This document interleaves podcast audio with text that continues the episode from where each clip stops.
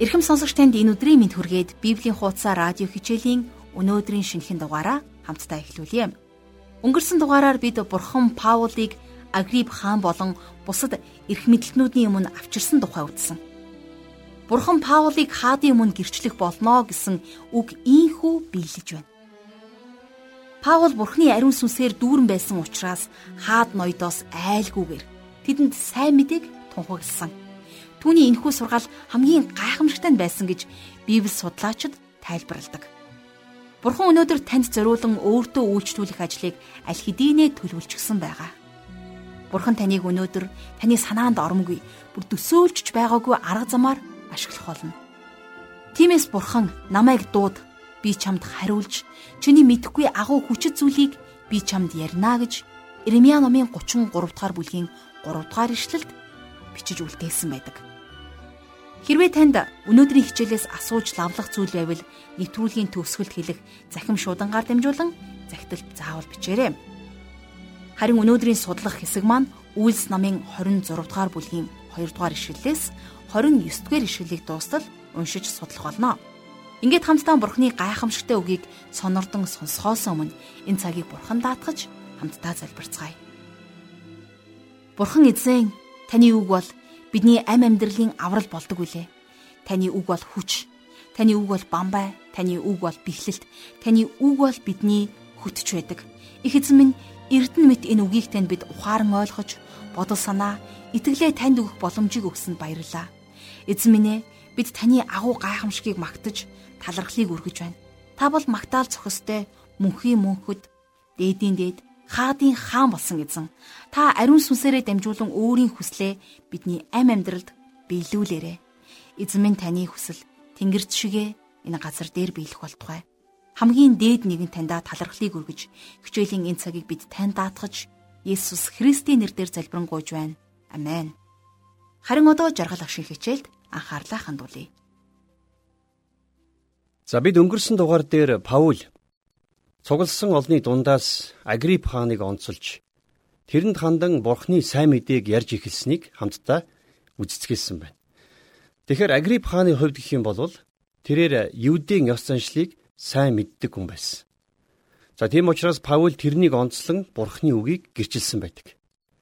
Ингээд Паулийн агуу сургаалуудын нэгийг энд хамтдаа үздэцгээе.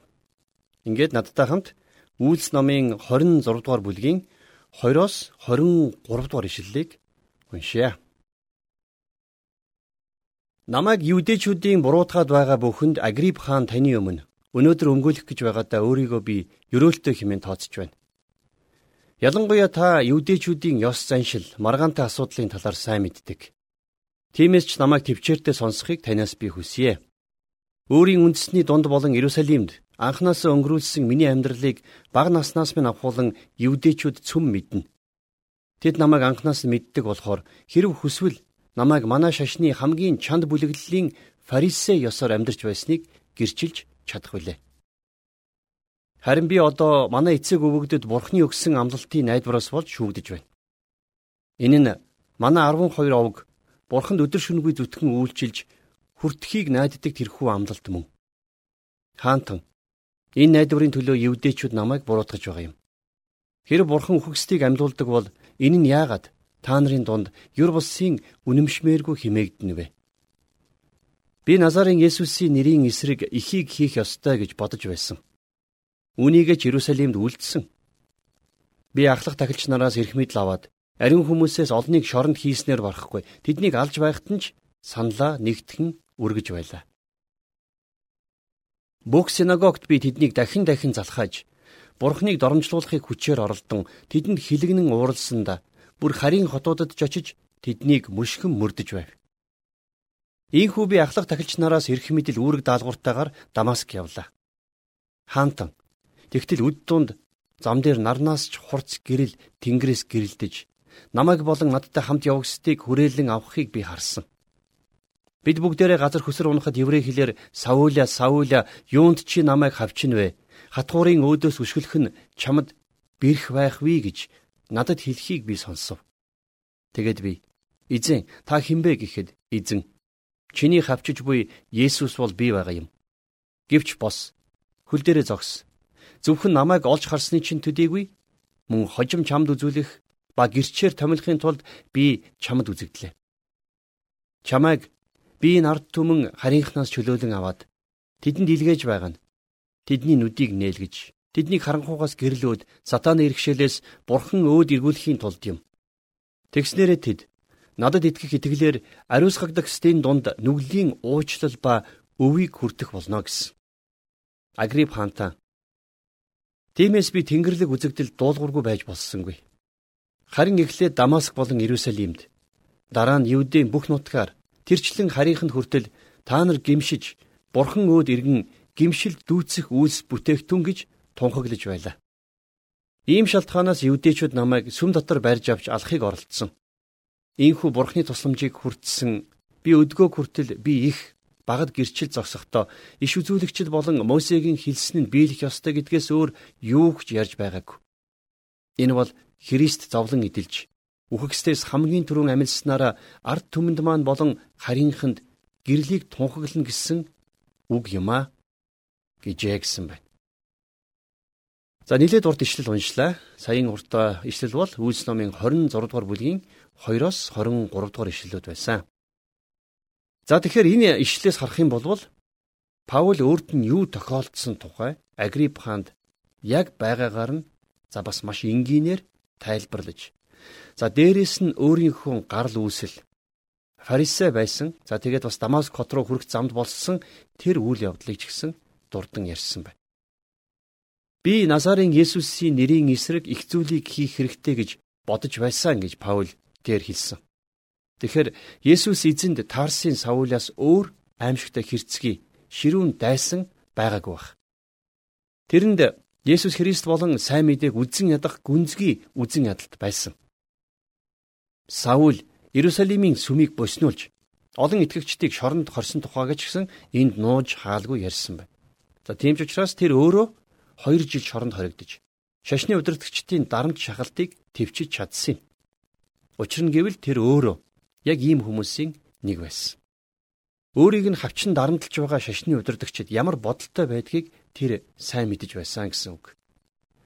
За харин 13 дугаар ишлэлээс харах юм бол Саул Дамаск хот руу явж байхдаа Есүс эзэнтэй учирч улмаар газарт ойчиж эзний дуу хоолойг сонссон тухайга ярьж байна. Тэгэхээр Саул тэр үед Бурхны хүслийн эсрэг явж байснаа ухаарсан. За энд болсон үйл явдлын талаар олон жилийн дараа Паул Филиппой хотынд бичгтээ. Гэвч миний хувьд ололт байсан бүх юмсыг би Христийн төлөө гарц хохирол болгон тооцов. Тэрч байтугай би өөрийн эзэн Христ Есүсийг таньж мэдхийн давуу агуу байдлын төлөө бүх юмсыг гарц хохирол болгон үздэг. Би түүний төлөө бүх юмсийн гарц хохирлыг амсаж тэдгэрийг хог гэж үздэг нь Христийг олохын тулд юм а гэж Филиппо хотынд бичсэн загтлынхаа 3 дугаар бүлгийн 7-оос 8 дугаар эшлэлдээр бичсэн байна.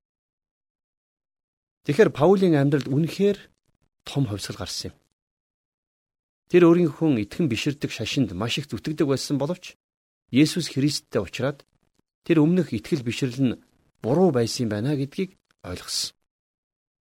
Тэгээд тэрээр урд нь олж авсан мэдлэг амьдралаа гарц хохирол гэж тооцсон байна. Харин бүхнээс илүү үзен яддаг байсан Есүс Христ Паулийн амьдралын хамгийн гайхамшигтай нэгэн болсон байсан.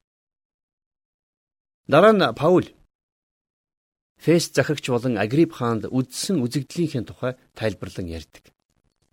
Тэгэхээр эзэн Паулийг харь үндэстнүүдийн дунд гэрчлэхээр томилсон. За тэгээд зогсохгүй түүнийг чөлөөлөх болно гэдгээ хэлсэн байна. Паул энэ үгийг одоо хоёр агуу харь үндэстэн болох захирагч за бас хааны өмнө ярьж байна. Тэд нар эрх мэдэлтэй хүчрхэг хүмүүс байсан болохоор Паулийг яасан ч өөрсдийн дур байсан. А гисэн ч Паул Цэсарт давж заалтсан учраас тэрнийг яаж чадахгүй байсан нь бас л энэ иш үзүүлгийн биелэл болсон байна. За тэгээд Паул энэ хүмүүст сайн мэдээг маш зоригтойгоор тунхаглан ярьсан байна. За тэгээд цааш нь 19 дугаар ишлээс харах юм бол Паул бурхнаас авсан үзэгдэлд хэрхэн хариу үзүүлсэн тухайга тайлбарлан ярьж байна.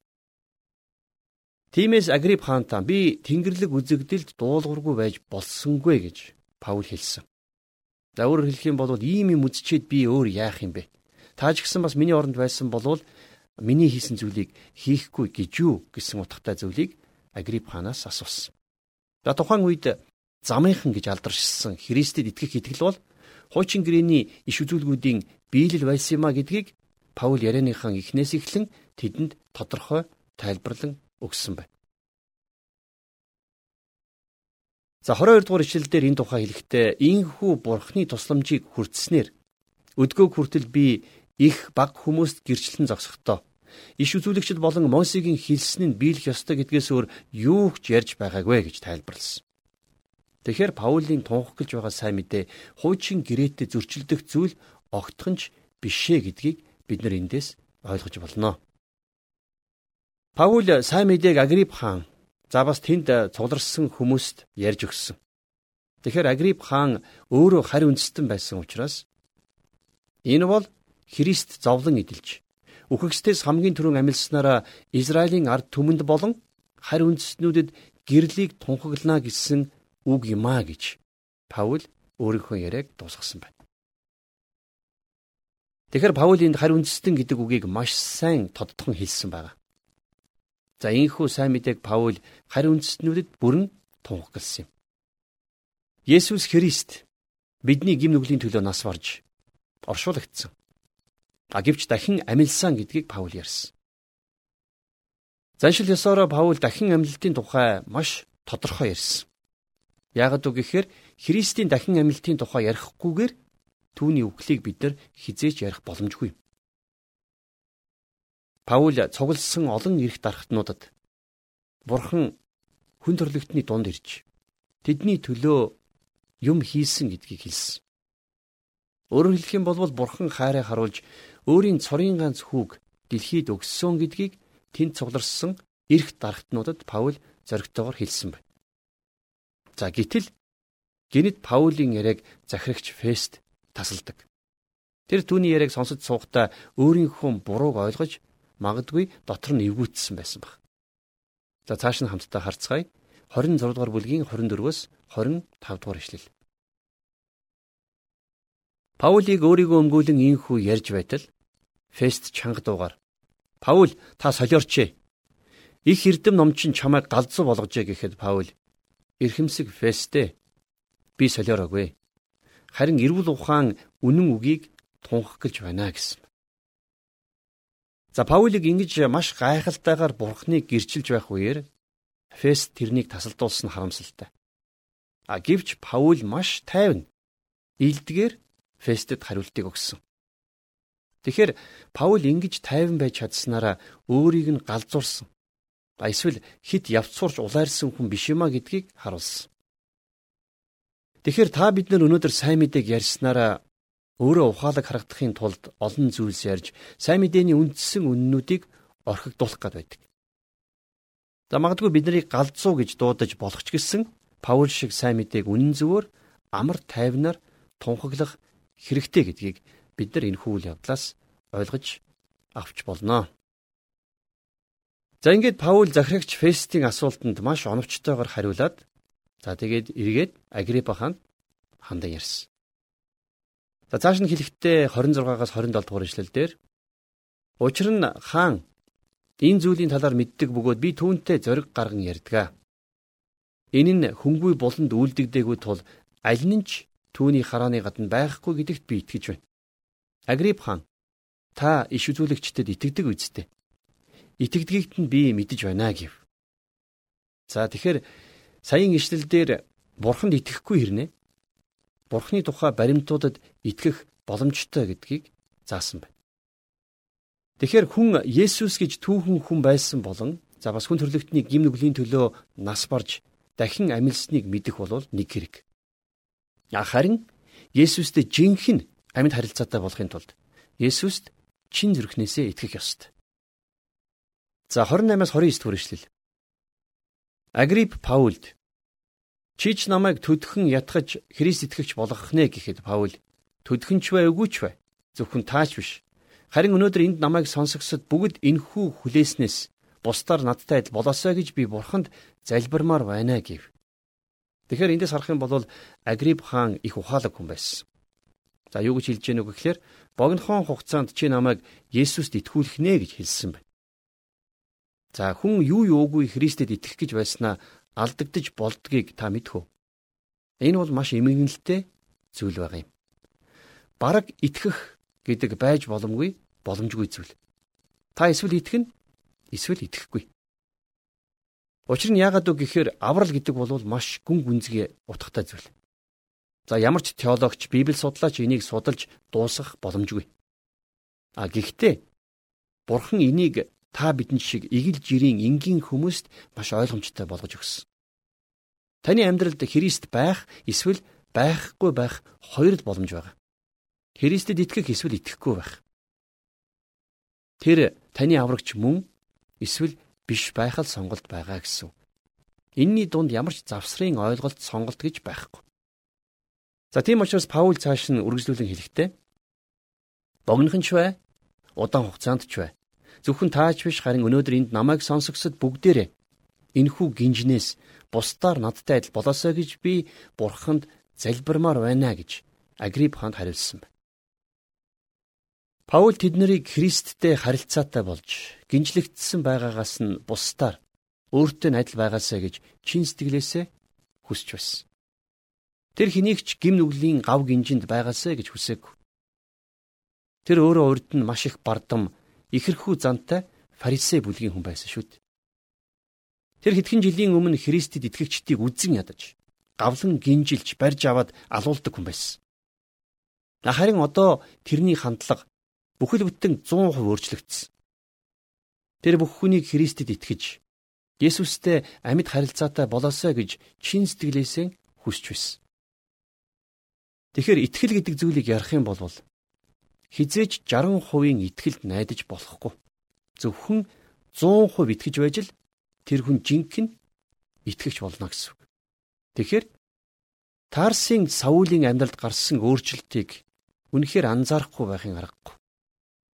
Харин энэ өөрчлөлт яг яаж гарсан бэ? Юуны учраас бий болсон бэ гэх юм бол Есүс амьд учраас л түүний амьдрал ийхүү орвонгороо өөрчлөгдсөн. Есүс үхлээс дахин амилсан.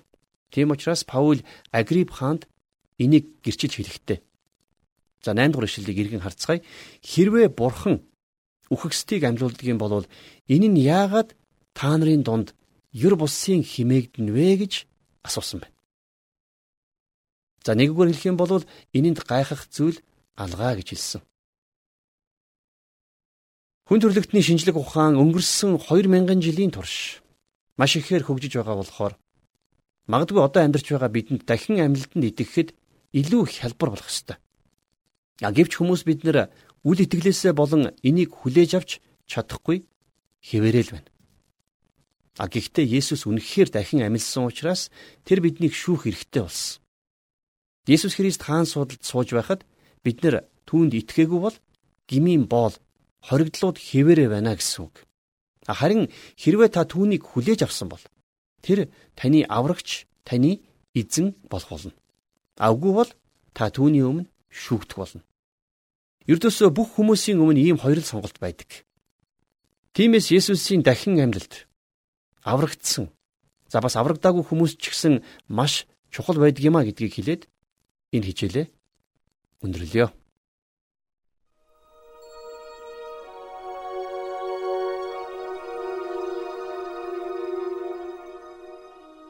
Тэгэхээр бурхны харь үндэстэнд хүрэх төлөвлөгөөнд ашиглагдах гол түлхүүр болсон хүмүүсийн нэг бол яалтанчгүй Паул байсан. Бурхан өөрийг нь үзэн ядсан өөрт нь итгэдэггүй нэгнийг төлөвлөгөөнийхөө нэг хэсэг болгож бүр бүхэл бүтэн 100% өөрчилж чадсан нь Бурханы яруу алдар гайхамшиг юм. Тэрээр зөвхөн юудэчүүдэд сайн мэдээ авралыг өгөөгүй. Харин энэ дэлхийн бүхий л хүн төрлөختөнд энэ л авралын боломжийг, авралын бэлгийг өгсөн юм. Тэгээд ч хүмүүс бидний хувьд боломжгүй мэт зүйлийг боломжтой болгож гим нүгэлтнүүдийг тэрнийх энэ нь баг гим нүгэл үлдсэн учраас ингэж тэгж шийтгэн гэж огтхон ч ялгадаггүй. Харин зөвхөн өөрийг нь чин сэтгэлээсээ хүлээн авч итгэж чадсан нэгнийг бүх дэлхийд хүрэх энэ агуу төлөвлөгөөнийхөө нэг хэсэг болгодог юм. Та бурхныг мэднэ а гэхдээ итгээгүй гэж өөгч биш булчирхаач биш явалгүйгээр харин бурхантай нэгдэж түүний дотор шин амьдралаар заавал амьдраарай. Харин одоо хичээлийн төгсгөлд Бурхны нэгэн гайхамшигтай үгээр сонсогч таныг урамшуулахыг хүсэж байна. Энэ бол Эфес намын 2 дугаар бүлгийн 10 дугаар ишлэл. Учир нь бид сайн үйлсийн төлөө Христ Есүс дотор бүтээгдсэн түүний бүтээл мөн. Бурхан биднийг тэдгээрийн дотор яваасаа гэж урдаас бэлтгэсэн билээ. Энэ л Бурханы гайхамшигтай үгээр эрхэм сонсогч таныг урамшуулад өнөөдрийн хичээлээ энэ хүрээд өндөрлөж байна. Харин та сурсан зүйлийнхаа төлөө Бурханд талархах цаг заавал гаргаарай. Бурхан эзэн бидний гмийг уучлж өөртөөгөө эвлэрүүлсэн таньдаа талархаж байна. Эзэн та надаар дамжуулан алдаршаач Аваа та бидэнд өөрийн үнэнээ улам илүү таньж мэдүүлж таныг хүлээн авч амжаагүй байгаа бусад хүмүүст сайн мэдээг хүргэхэд та биднийг ашиглаач. Монгол үндэстэнд таны гайхамшигтай үгийг хүргэх эрхэм дуудлагаар та биднийг ивэж, өрөөж өгөөч. Бид танд ирээдүгэ, ирэх өдрүүдээ бид танд дуудлага, эрхэм хүсэл мөрөөдлөө танд өргөж, Есүс Христийн нэрээр залбирanгуйж байна. Амен.